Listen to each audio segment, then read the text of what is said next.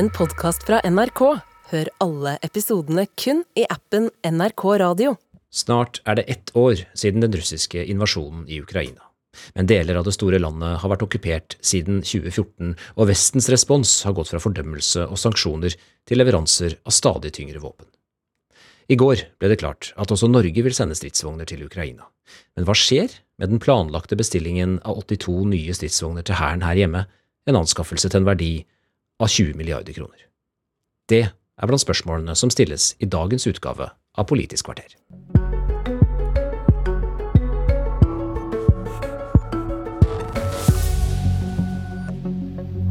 Norge sender stridsvogner til Ukraina, og regjeringen får både ros og kritikk fra Venstre, som etterlyser en tydeligere plan for norske våpenleveranser.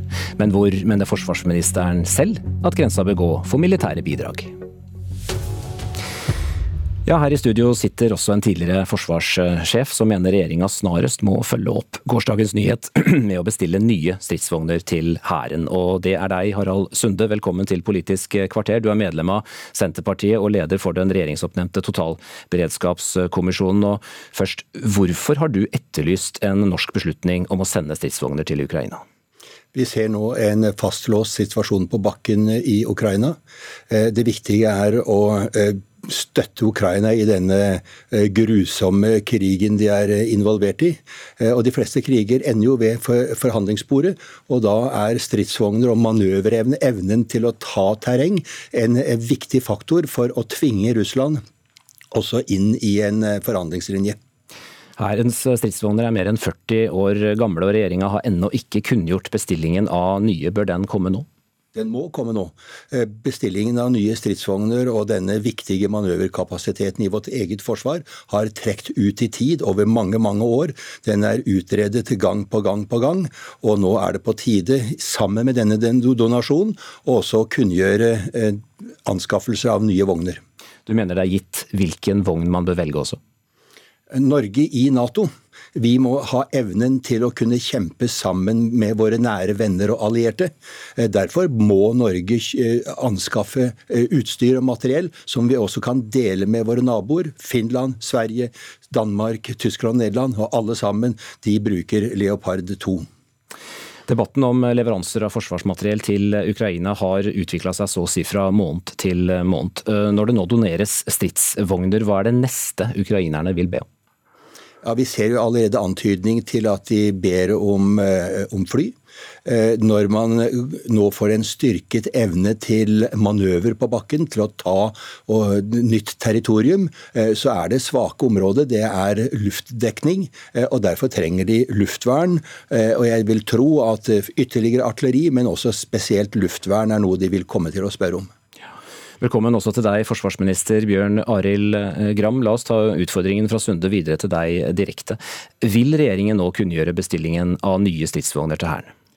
Jeg har ikke noe nytt å melde om den saken i dag. Nå har vi kunngjort eh, at vi vil delta i en tung donasjon knytta til stridsvogn til Ukraina. Vi har jo tidligere meldt at eh, vi planlegger for anskaffelse av nye stridsvogner. At vi også har dialog med forsvarssjefen eh, i, i forhold til hans tilrådninger. Så vi må komme tilbake til den saken.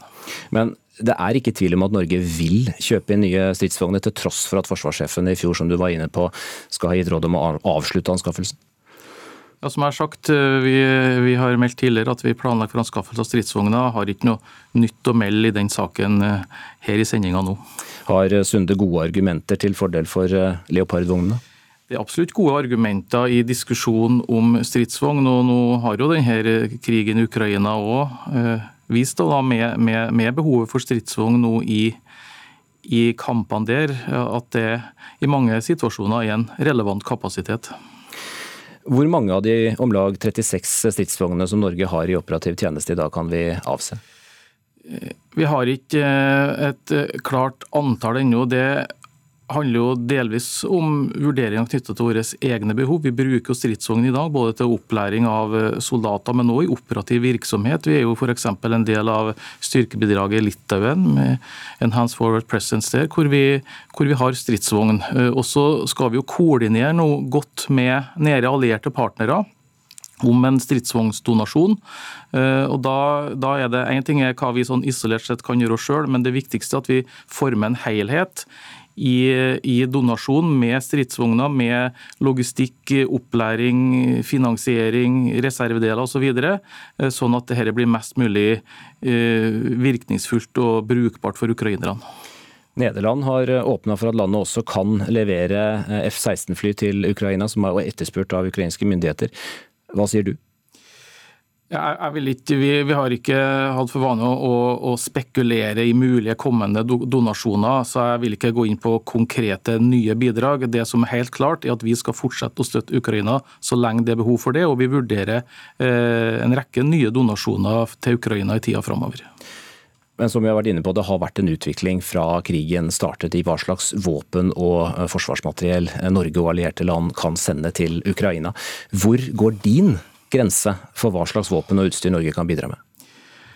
Det er rett at det har vært en eh, utvikling her. Det har, jo, det har det vært i de ulike landene. Det har jo òg sammenheng med hvordan krigen har utvikla seg. hvordan eh, Russlands råskap eh, trer fram i, i, det vi ser, som skjer i Ukraina, og de behovene som ukrainerne har meldt inn i Eh, for, hva de har behov for. Da. Så, så, og, Vi har stilt opp tungt for Ukraina hele veien. Jeg går ikke inn i diskusjon om nye mulige eh, donasjoner, men vi har bidratt med tungt materiell tidligere. og Nå har vi tatt nye initiativ og vil fortsette donasjonene framover. Altså ingen beskrankninger i hva slags type våpen og utstyr som du vil trekke opp her? Jeg vil ikke beskrive noen noe spesielle grenser for det. Vi, vi gjør jo vurderinger mellom behovet for egen trygghet, sikkerhet og det behovet for å støtte Ukraina. Det kan noen ganger være vanskelige avveininger, men jeg har jo sagt det at vi, vi framover òg må i større grad enn det vi har gjort, kunne ta fra egne beholdninger og kapasiteter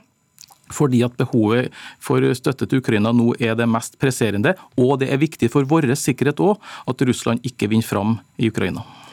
Vi har også med oss eh, venstreleder Guri Melby på linje fra Genéve, der hun er på reise med utenrikskomiteen. I forrige uke så ba du regjeringa om å sende stridsvogner til Ukraina, så hva sier du nå? Ja, det er faktisk ikke helt riktig. Da. Det jeg ba om, var at Norge skulle bidra til at Europa sammen donerer stridsvogner. Og Det er faktisk en litt viktig forskjell. Fordi Det jeg var opptatt av da, var jo hva slags rolle Norge skulle ta i internasjonale fora. Vi visste at eh, de europeiske landene sammen med USA møttes for å diskutere nettopp disse donasjonene. Vi vet at det var en del land som nøla, bl.a. Tyskland, som jo sitter på nøkkelen for at denne donasjonen skulle kunne bli gjennomført. Så Det jeg ønska da, var at Norge skulle være en konstruktiv part. At vi skulle være tydelig og positiv til at Europa donerer eh, stridsvogner. Og så mener jeg jo åpenbart at det er en fagmilitær vurdering eh, som eh, forsvarsministeren og som Forsvaret må gjøre på nøyaktig hva det er Norge skal donere. Hvor mange stridsvogner vi kan avse i forhold til vår egen forsvarsevne. Er det andre ting Norge vel så godt kan bidra med? Opplæring, vedlikehold, logistikk, sånne ting. Så så den diskusjonen som jeg har etterlyst, er jo på et litt sånn mer overordna nivå. Hva slags rolle mener vi at Norge skal ta i denne krigen? Jeg mener det er viktig både for Ukraina, men ikke minst overfor Russland, at vi er veldig tydelige på at vår støtte til Ukraina er entydig, at den er langsiktig, at den er forpliktende. Og Det var det jeg har savna mer fra regjeringa. Men i dag så fortjener forsvarsministeren definitivt skryt for en veldig tydelig og god forpliktelse, som er veldig viktig fra Norges side. Krem? Ja, Det er greit tilbakemelding fra, fra Venstre-lederen. det, og, og, og, Jeg er jo enig at vi må tenke langsiktig støtte over til Ukraina. Nå har jo regjeringa tatt initiativ til også overfor Stortinget for nå en, en flerårig større støttepakke til Ukraina, som òg eh, vil inneholde militær hjelp i et lengre perspektiv. Men Hva syns du egentlig om disse stadige forslagene som kommer fra et opposisjonsparti som Venstre om nye leveranser av våpen og materiell? Vi må jo ha debatt om disse saken, her, og så, så er det jo ikke sånn at det, det, det her skal være noen konkurranse om hvem er liksom først til å foreslå noe. Vi jobber systematisk og langsiktig med det, i nær dialog med Stortinget, vil jeg også si. Og jeg er veldig glad for at vi har, har så brei politisk støtte i Norge for, for vår for vår støtte til Ukraina. Det er, det er, viktig og det er godt for regjeringa å, å ha brei støtte i denne type saker. Jobber regjeringa for tregt, Melby? Um, altså, I noen saker så mener jeg regjeringa har vært god og dyktig og tatt gode beslutninger. Andre saker så mener jeg vi har brukt litt lang tid. Uh, og det som er litt interessant, Nå er jo jeg på reise i Europa. Uh, tidligere i uka så var vi i Østerrike. Der møtte vi østerrikske parlamentarikere. Der er det ingen støtte blant de store partiene til å gi våpen. Det eneste partiet som er åpen for det, er Venstres søsterparti. Og jeg synes jo Det er et godt eksempel på at vi kan ikke ta den brede støtten til Ukraina fra alle europeiske land for gitt. Jeg tror faktisk det er viktig at vi tenker over at hvis vi faktisk mener at Ukraina skal vinne denne krigen, eh, så må vi tenke gjennom hva slags rolle er det vi som land skal ha i Europa og blant våre allierte for å sikre at støtten opprettholdes også gjennom en tøff og vanskelig vinter i hele Europa. Og så er det jo, altså, eh, Regjeringa la fram et statsbudsjett der det kun ligger 572 millioner til våpenstøtte til Ukraina. Det er en tiendedel av det Norge donerte i 2022. Så det at vi har vært utålmodige og bedt om mer, har jo handla om at det regjeringa har gitt av konkret grunnlag fram til nå, har vært altfor lite. Og så ser jeg veldig fram til at Stortinget nå skal få lov til å sette seg ned og diskutere det her. For, både for vår egen forsvarsevnes skyld og for Ukrainas skyld, så er det viktig at vi tenker langsiktig og litt mer enn bare hva som skal være neste leveranse. Kort til det, Gram. Ja, nå har vi gjennom hele det her eh, snart året som har gått, bidratt omfattende med hjelp med våpen, ammunisjon, annet militært utstyr, eh, trening av ukrainske soldater, hvor vi øker innsatsen betydelig i år. Og Vi har da som sagt varsla større pakken i, som vi ønsker å utforme i nær dialog med Stortinget. så Det er opplagt sånn at det ligger an til fortsatt omfattende donasjoner utover det som lå i opprinnelig statsbudsjett òg. I går snakka kollega Lisbeth Skei med seniorforsker Julie Wilhelmsen ved Norsk utenrikspolitisk institutt. Eh, Wilhelmsen mener leveransen av stridsvogner kan føre til en eskalering av krigen. Ja, Selv om det er rettferdig og riktig, så kan det føre til at Russland ser at nå vil Ukraina være i stand til å ta tilbake f.eks. Krim, som Russland lenge har definert som del av sitt territorium, og som er en, på en måte en, en, en rød strek. Da vil de kunne si at eh, her må vi bruke enda sterkere lut, tyngre våpen, og du kan få en eskalering av krigen, bare, både i den forstand at mange mange flere menneskeliv går tapt eh, i Ukraina. Potensielt at det, krigen beveger seg fra å være Russlands krig mot Ukraina til å bli en krig mellom Russland og Nato.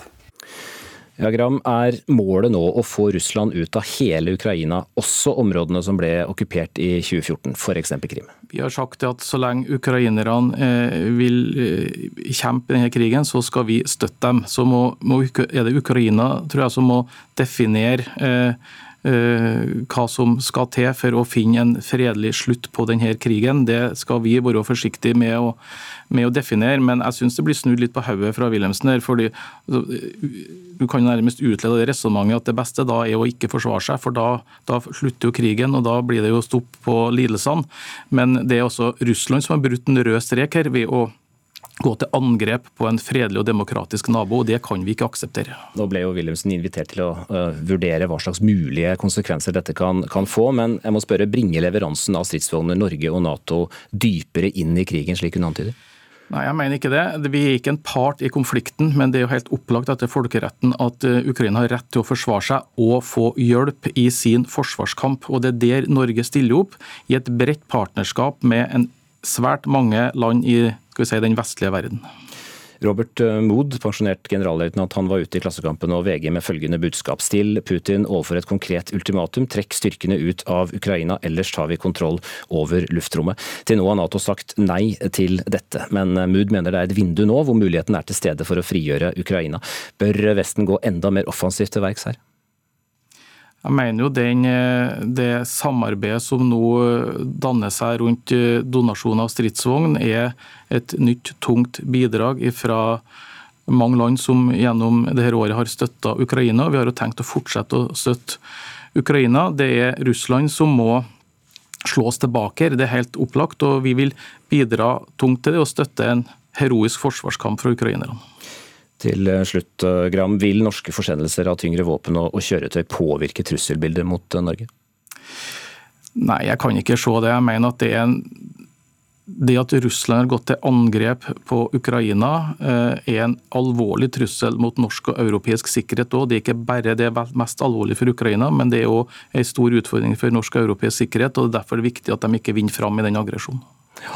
Tusen takk til eh, tidligere forsvarssjef eh, Harald Sunde, til forsvarsminister Bjørn Arild Gram og til venstreleder Guri Melby som var med på linje fra Genéve. Dette var dagens Politiske kvarter. Mitt navn er Mats Rønning.